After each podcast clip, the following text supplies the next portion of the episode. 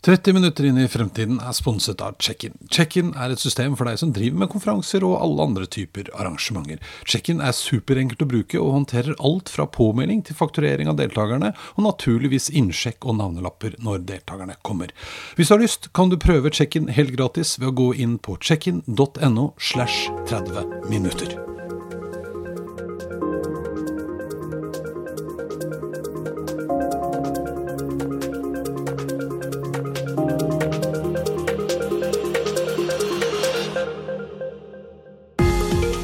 Hvor går vi? Hva gjør vi?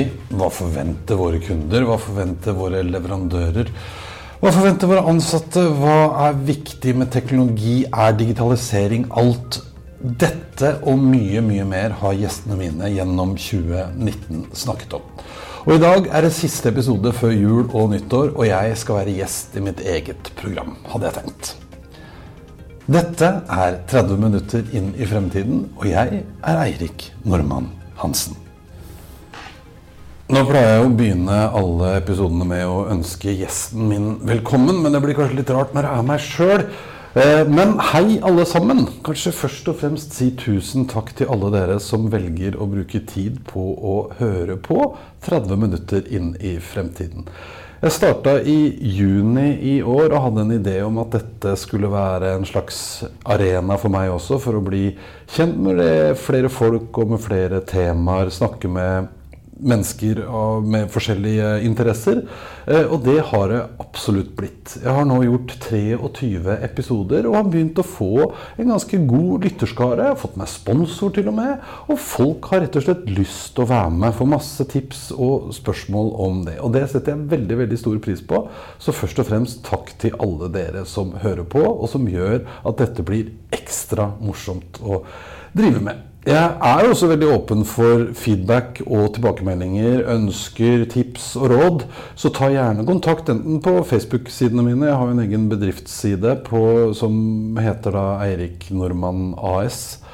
Eller bare på meg selv, Eirik Nordmann Hansen, og finn en kanal å ta tak i meg på, så er jeg stort sett tilgjengelig. Veldig lyst til å høre hva dere syns og mener, men også hvem dere kanskje kunne tenke dere skulle være med på besøk osv. Men siden juni i år så har jeg også hatt besøk av alt fra studenter til administrerende direktører og alt derimellom. Og det har vært utrolig interessant og spennende. Tanken var jo at dette først og fremst skulle handle om teknologi, og hva som var viktig som følge av teknologi og digitalisering de neste sånn 30 øh, minuttene holdt jeg på å si, inn i fremtiden, altså den nære fremtiden, de neste fire-fem åra. Eh, men det har blitt noe mer enn det. Altså, jeg har hatt fageksperter, jeg har hatt generalister, jeg har hatt folk med masse forskjellige ideer og tanker om hva de syns er viktig. Og det er ikke bare teknologi som betyr alt her i verden, og det er til og med jeg kanskje enig i. Men tanken var som sagt at jeg skulle treffe folk og høre hva de er opptatt av. Og det har blitt veldig mange kjempefine samtaler. Det som har slått meg når jeg har liksom lytta gjennom og, og, fulgt med på meg sjøl og mine egne episoder, det er at eh, de aller, aller fleste av gjestene mine de er ganske positive. Altså, de fleste av oss har trua på at vi kommer til å klare oss ganske bra i fremtiden, men alle er enige om at vi har store utfordringer. Både i forhold til å drive forretning, men også i forhold til verden for øvrig. Og det skjer jo så utrolig mye spennende, men også utfordrende. Men det er klart at noen er nok mer skeptiske enn andre. og Jeg skal ikke trekke fram, for da kan dere heller gå inn og høre på alle episodene. Men jeg har jo spurt alle mine gjester om hva de tror om 2030. Vi har liksom avslutta de fleste episodene med det. Og det viser seg nok at eh, det er alt fra svevebiler til en verden som er helt nydelig, til noen som kanskje tror at det blir litt tøffere først. Og det er kanskje det vi må, få det litt tøft før det blir bra igjen. Jeg syns kanskje eh, på spørsmålet om eh, verden vil overleve, så, så syns jeg Stefan Hyttfors sa det veldig bra.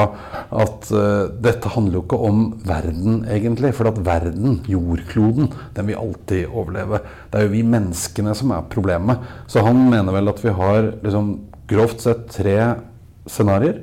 Det ene er at vi ikke klarer å skjerpe oss, og da bare dør menneskene ut. Og da kommer jorda til å blomstre som aldri før.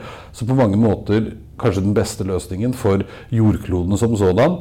Den andre, og litt skremmende tanken, er jo at det finnes opp så mye greier at vi havner inn i en litt sånn skal vi kalle det for noe? En sånn Madmax uh, uh, super uh, science fiction-fremtid hvor vi pga. teknologi, på tross av at hele verden har gått til grunne, holdt jeg på å si jordkloden, så løper vi rundt med med pusteutstyr og, og, lever i bobler, og kanskje noen har emigrert til Mars. Og verden er ikke så vakker som den kunne være, men vi lever nå likevel. Ikke et så ønska scenario, kanskje. Og så det siste, som i hvert fall jeg heier på, er at vi etter hvert nå begynner å forstå at vi må endre oss, men at vi òg kan få hjelp av teknologi og digitalisering for å få det til.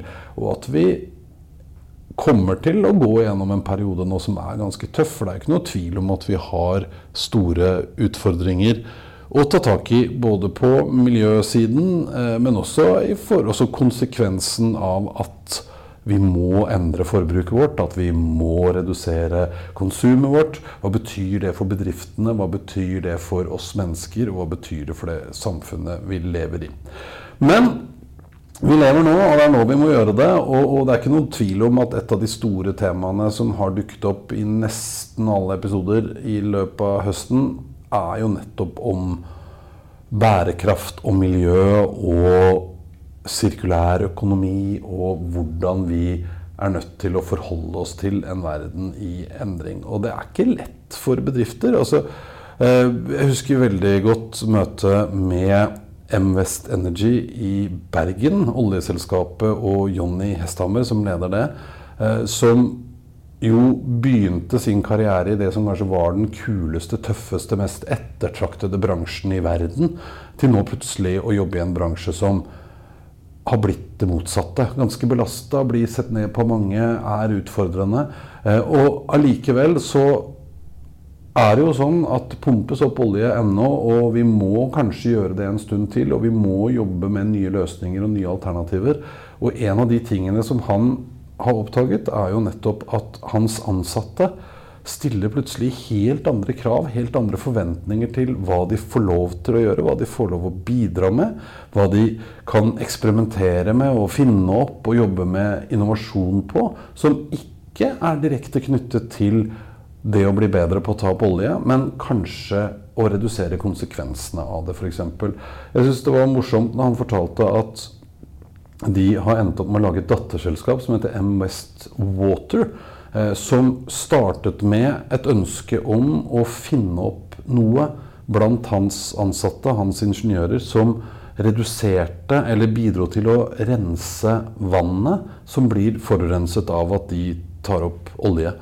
Eh, og så oppdaget man at den teknologien som de har funnet opp, den egner seg også til å fjerne mikroplast, til å rense vann generelt. Så det har de nå skilt ut i et eget selskap. Så vidt jeg husker, så er også de ansatte med på eiersiden av det selskapet. Og de selger den teknologien og bidrar med den teknologien også til helt andre områder som ikke har noe med oljeindustrien å gjøre. Og det er litt gøy å se at man kanskje kan gå den veien også. Og det er ikke noe tvil om at ansatte, hvis vi skal fortsette å prate litt om det, fortsatt eh, forventer, eller nå forventer, ikke fortsatt, men nå forventer helt andre ting enn det de gjorde før. Ting som lønn og altså vanlige goder, det tar man liksom for gitt. Du kan ikke komme og, og, og forhandle for mye på lønn, for at det er klart folk skal ha lønn. Men det mange nå i større og større grad er opptatt av, er hva bidrar jeg med, og hva bidrar bedriften din med, utover det åpenbare, altså utover at jeg skal jobbe her for å gjøre oppgave X for at vi skal bidra til å gjøre Y, men hva bidrar vi med for å skape en bedre verden? For at folk skal ha det bedre, for at verden skal bli bedre? Eh, Amesto f.eks. Eh, opplever det veldig, veldig tydelig. Eh, og eh, vi snakket om eh, social responsibility, eller social uh, opportunity Nei, jo, var det ikke det de kalte det? Um, for å være enda mer proaktive. Ikke? Så det handler ikke bare om å sette av noen penger som vi donerer til noen greier for at vi skal ha det bra. Det skal faktisk være noe som virkelig betyr noe, både for uh, de som jobber der, og for de som mottar den støtten og hjelpen. Og Det syns jeg er ganske morsomt, og mange andre som òg ser at det er en greie.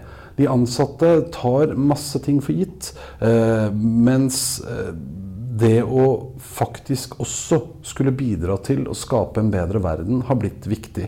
Og da dukker det opp nye ting, da, som sånn type triple bottom line, som det heter. At vi ikke lenger bare skal måle bedriften vår på profitt, men at vi også skal ta med people og planet. Altså sette og lage kopier som måler det vi gjør, både på at vi tjener penger, at vi gjør ting bedre for mennesker, og at vi skaper en bedre verden.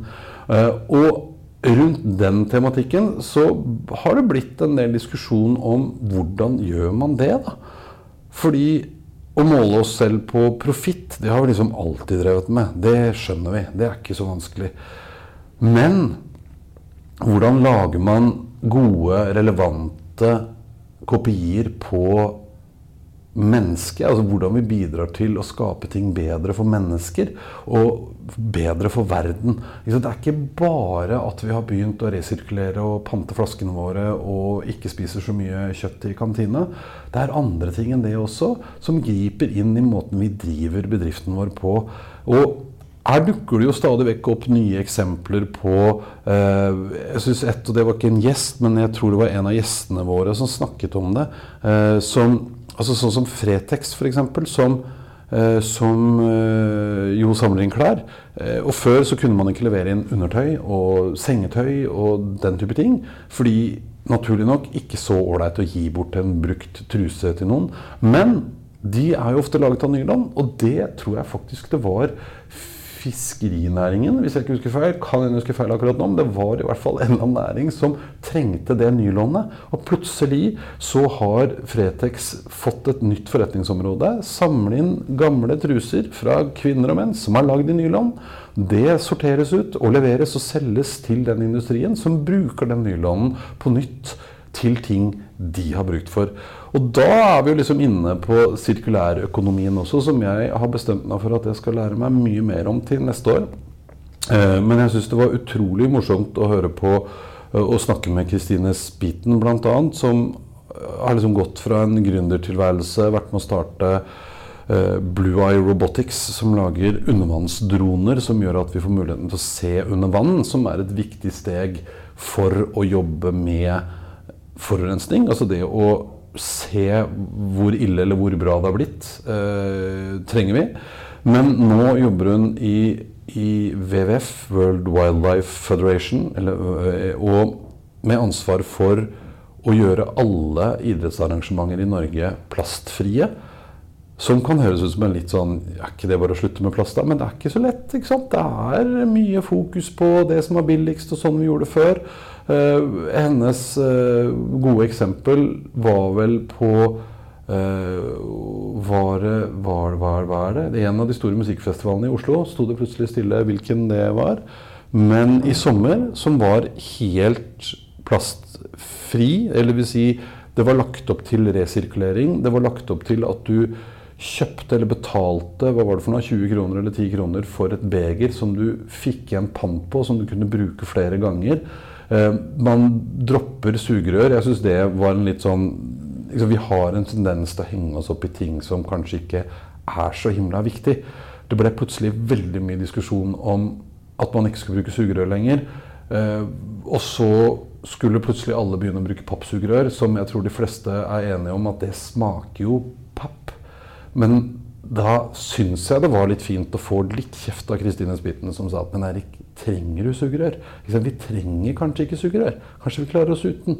Men det å ha fokus på sånne ting er viktig, men kanskje enda viktigere er jo den rollen hun nå skal jobbe med for å lære næringslivet hva sirkulær økonomi er, og hvordan man kan legge til rette for det i sin bedrift. Eh, og jeg syns òg det er fint å høre, for man, man, blir litt sånn Ja, men jeg kan ikke redde verden, og jeg kan ikke gjøre alt. Nei, du kan ikke gjøre alt, men det viktige er jo at vi bidrar litt alle sammen. Eh, og du kan kanskje ikke komme positivt ut på alle de 17 bærekraftsmålene til FN, men vi må forholde oss til alle sammen. Og det viktige er jo at hver og en av oss må se hvordan vi kan bidra så godt vi kan på de målene som er lettest for oss å gjøre noe med, og så må vi òg forholde oss til de andre. Så, så, hvis regnskapet blir positivt, så har vi i hvert fall begynt å bevege oss eh, litt i riktig retning. Men allikevel også fint å høre Hadde jo Preben Karlsen på besøk, som jo òg er opptatt av mange av de samme tingene. Eh, samtidig som man skal tørre å ta tak i problemstillinger med det for øye at det skal kunne gå an å tjene penger på det. Det dukker opp nye uh, forretningskonsepter. Nudie jeans f.eks., hvor du kjøper bukser som du da får gratis reparasjon av resten av livet. De har vel, så vidt jeg har skjønt, altså symaskiner og reparasjonsmuligheter på hver eneste butikk. Og jeg tror òg at de som jobber der, blir lært opp i å reparere tøy. Uh, og dette handler om å, å, tørre å gjøre det. Jeg var i kontakt med en annen kles, norsk klesmerke som heter Lynx. Syns jeg er veldig tøft. Som uten å kanskje egentlig tenke på det, men har laget tøy av så høy kvalitet at de er verdt å reparere. Eh, og de låner til og med ut tøy. Hvis du trenger en dress og ikke har, så kan du få låne en mot at du skriver en anmeldelse eller tester den ut. De er litt eh, tøffe i, i, i imaget sitt, og det, det syns jeg er morsomt. Jeg syns det var gøy en gjest som jeg skal ha til neste år. Eh, han som er administrerende for, for Jernia som viser at det går an, selv om man er en relativt liten aktør liksom globalt sett, så, så, vil de nå bare ha varer i butikken som er laget for å kunne repareres. De vil bare ha ting i butikken som er mulig å resirkulere. De vil ikke ha all den bobleplasten og isoporen som varene kommer i. Så de har fremforhandlet nå en avtale med en av de store grillprodusentene, tror jeg det var, i Tyskland, som nå sender grillene uten da 17 kubikkmeter med isopor på, på veien. Eh, man endrer holdningen og, og, og ser òg at folk er interessert i å betale de tingene. Jeg skjønte også at de har investert i en maskin for å gjøre om papp til fyllmasse når de skal pakke ting som folk har kjøpt på nettbutikk. Så istedenfor å bruke da bobleplast, så lager de da av pappen som er søppel, som før gikk i komprimator og ble returnert tilbake, så lager de sin egen fyllmasse som er resirkulerbar. Vi har mange sånne eksempler som jeg syns uh, er spennende å høre om, og, og, som vi alle skjønner etter hvert er veien å gå. Og da kommer vi jo veldig fort inn på også hva kunder og leverandører og ansatte for så vidt har vi snakket litt om allerede. Vi, eller jeg, da, det er jo bare meg her denne gangen. Det er veldig gøy når man starter eget firma, så snakker jeg veldig ofte om vi.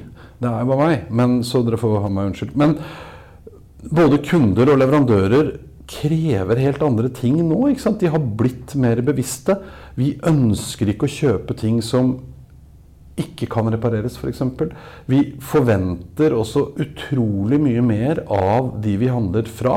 Eh, og det er jo litt sånn at vi forventer at leverandøren vår skal, eller produsenten skal passe på at ting er så miljøvennlige som de kan være. Ehm, så, så, tillit har liksom blitt noe av det aller, aller viktigste vi har å fare med. Mange påstår at det har blitt den nye valutaen.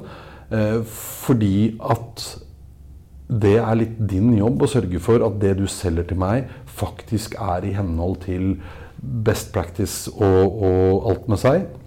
Det samme gjelder jo også selve kundeopplevelsene. Altså hvordan vi skal kjøpe ting i fremtiden. Jeg har jo hatt besøk av både eh, folk fra Antidiffer og fra Deloitte og, og eh, folk som jobber med kunde- og brukeropplevelse hver eneste dag. Og det man ser, er jo at folks forventninger til hvor sømløst og friksjonsfritt det skal være, er ganske høye. Og det handler kanskje først og fremst om måten jeg betaler på, måten jeg får det levert på, måten jeg bestiller og kjøper ting på. Men også at det skal være rom for liksom, denne personlige tilstedeværelsen. Eh, og at vi skiller oftere og oftere på det å handle fordi jeg trenger å handle noe, til å handle som en slags opplevelse. Det har nærmest blitt en fritidsaktivitet, det også. Og da skal opplevelsene være helt annerledes enn hva de var før, f.eks. Så har vi òg snakket mye om kunstig intelligens. Jeg har jo hatt besøk av både han er ikke, Jeg sier alltid professor, er førsteamanuensis eh, på Universitetet i Agder, Morten Gudvin, eh, som er veldig opptatt av kunstig intelligens. Og også veldig opptatt av det anvendelige ved det. Og kanskje at vi ikke skal være så innmari redd for alt man liksom leser og hører om. At de skal ta over verden og de blir smartere enn oss. Det er ganske lenge til de blir det. Eh, og vi skal være bevisst på det, og det er vårt ansvar å sørge for at det ikke går bananas. Men vi må ikke stoppe å bruke det til gode ting. Vi har eksempler nå som, som Lånekassen, som, som, har laget en AI-bot. Altså en kunstig intelligensbasert liten greie som hjelper de med å plukke ut de de bør ringe til, og sjekke om faktisk skal ha borteboerstipend. Dette er noe de, man bruker enorme ressurser på i dag. Eh, og, og kanskje ganske bortkasta ressurser, for det handler om å ta folk som jukser. Og, og konsekvensene av det er ganske høye. Eh, det blir høyere rente, og det er mye penger som betales ut til, folk som ikke skal ha det. Eh, og, og, da er det liksom åpenbart at det er en god ting. Eh, innenfor helse så ser man jo flere og flere eksempler på at maskiner støtter oss for å finne, analysere røntgenbilder og øh, prøver av blod og vev og hva det måtte være. Og at maskinene er flinkere enn det vi er til å finne ting som vi kanskje ikke finner ved første øyekast. Samtidig så er det litt rart da, at vi, når man snakker om en maskin, stiller liksom skyhøye krav til presisjon. Maskinen får ikke lov å gjøre noe feil. Hvis den gjør én feil, så er det liksom overskrifter i alle verdens aviser. Mens en, en lege, f.eks., et menneske, gjør feil hver eneste dag, kanskje, hver eneste uke, uten at det er så rart. Fordi sånn er det. Så vi må kanskje venne oss til at alt kan ikke være 100% perfekt. Eh, selv om det er en maskin eller robot som gjør det. Eh, og det fine med maskiner og roboter er jo at når vi oppdager at de gjør feil, så kan vi jo faktisk programmere de om, eller skru de av, da, i verste fall, eh, som gjør at de blir bedre. Men jeg syns òg det var morsomt å snakke med Morten om undervisning, og hva kunstig intelligens vil bety for undervisning. For er det én ting vi får mer og mer behov for, så er det kompetanse. Er det sånn at uh, hele vårt konsept om, om, universiteter og høyskoler og utdanning som noe man tar, og så er det ferdig, uh, skal bestå? Antagelig ikke. Og dette kommer til å bli en del av arbeidslivet også, hvor du som arbeidsgiver er nødt til å tilby ikke bare faglig utvikling som en sånn litt kul ting, nå drar vi en gjeng til, på konferanse og så blir vi inspirert, men det er viktig oppdatering av folks kunnskap og kompetanse som må skje kontinuerlig. Og vi kan bruke kunstig intelligens til hele tiden å få råd og veiledning om hva jeg er flinkest til, hva jeg trenger mer trening på, hva jeg kanskje ikke burde bruke mye tid på, for det får jeg ikke til, eller syns jeg ikke er noe gøy. Eh, og for å hele tiden sørge for at jeg er den beste versjonen av meg selv som jeg kan være for å gjøre jobben min på best mulig måte. Og, og en av de store utfordringene fremover nå er jo at vi kommer til, enten vi liker eller ikke, til å stå ved et skille hvor noe kompetanse blir overflødig. Og det er klart at Som menneske å føle på at du har blitt til overs, det er ikke noe særlig ålreit. Så det er viktige samfunnsmessige debatter og diskusjoner oppi alt dette også. Selv om vi kan erstatte ting med roboter og kunstig intelligens? Bør vi gjøre det med en gang, eller bør vi ta høyde for at det kanskje er en slags glidende overgang, og prioritere de områdene som er absolutt viktigst og best for oss. Samtidig som, som, vi forbereder de som vokser opp nå på at det er en del yrker og kompetanse i framtida vi muligens ikke trenger lenger. Og dette stiller jo kjempestore krav til utdanningsinstitusjonene våre også, hvor man kanskje allerede nå må begynne å lære ganske små barn andre ting enn det vi måtte lære når vi vokste opp. Og når jeg snakker om vi, så er det sånne som meg da, som begynner å bli litt grå i håret og fyller 50 år til neste år. Så vet dere det også. Så det skjer fantastisk mye. Jeg er utrolig glad for at jeg har fått lov til å ha besøk av alle de jeg har hatt besøk av. Rette en stor takk til de også. Det har vært gründerskap og ideer. Jeg har snakket med begravelsesbyråer og store teknologiselskaper og studenter. Jeg blir jo òg litt sånn, hva heter det for noe på godt norsk, blown away av mange av de unge jeg snakker med nå. For jeg tenker at altså Alex som var her, han har skrevet, eh, har som ambisjon å skrive 200 artikler om AI. Én artikkel hver dag. Han har nå gitt ut tre eh, egne ganske, altså bøker om kunstig intelligens. Den siste nå heter AI for good, eh, hvor han diskuterer eh, mange av utfordringene rundt kunstig intelligens. Men altså, han kompisen eh, tar en var det dobbel bachelor i, i, i sosialantropologi og øh, kinesisk, samtidig som han leser litt informatikk ved siden av, og skriver bok og er engasjert i miljøspørsmålene. Altså, wow! Når jeg var noen og tjue, så er jeg ikke sikker på om jeg var helt der. Eh, men det er kanskje det som er tinget nå. Altså, vi lever i et samfunn nå hvor tilgang til informasjon og kompetanse er veldig mye tettere på. Hvis man vil, så kan man få til helt magiske ting, og det tar jeg bare av meg hatten for. Nå er det snart julaften. Eh, når dette kommer på lufta, så er det fredag 20. Da senker julefreden seg over meg. Eh, jeg har begynt å tenke på hvordan 2020 blir. En av de tingene som sagt som jeg har lyst til å grave mer i, er sirkulærøkonomi og hva det betyr. Og hvordan teknologi, som jo blir mitt utgangspunkt, og digitalisering kan bidra til at vi kanskje blir enda bedre på det.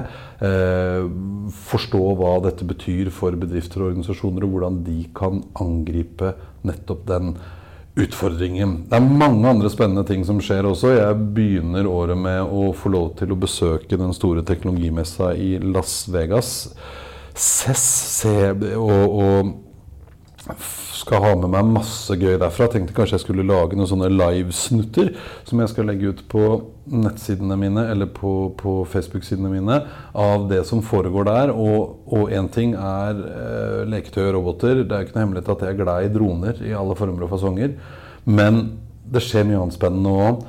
Eh, innenfor eh, det teknologiområdet, som jeg jo håper på vil hjelpe oss til å lykkes bedre med de store utfordringene vi har foran oss.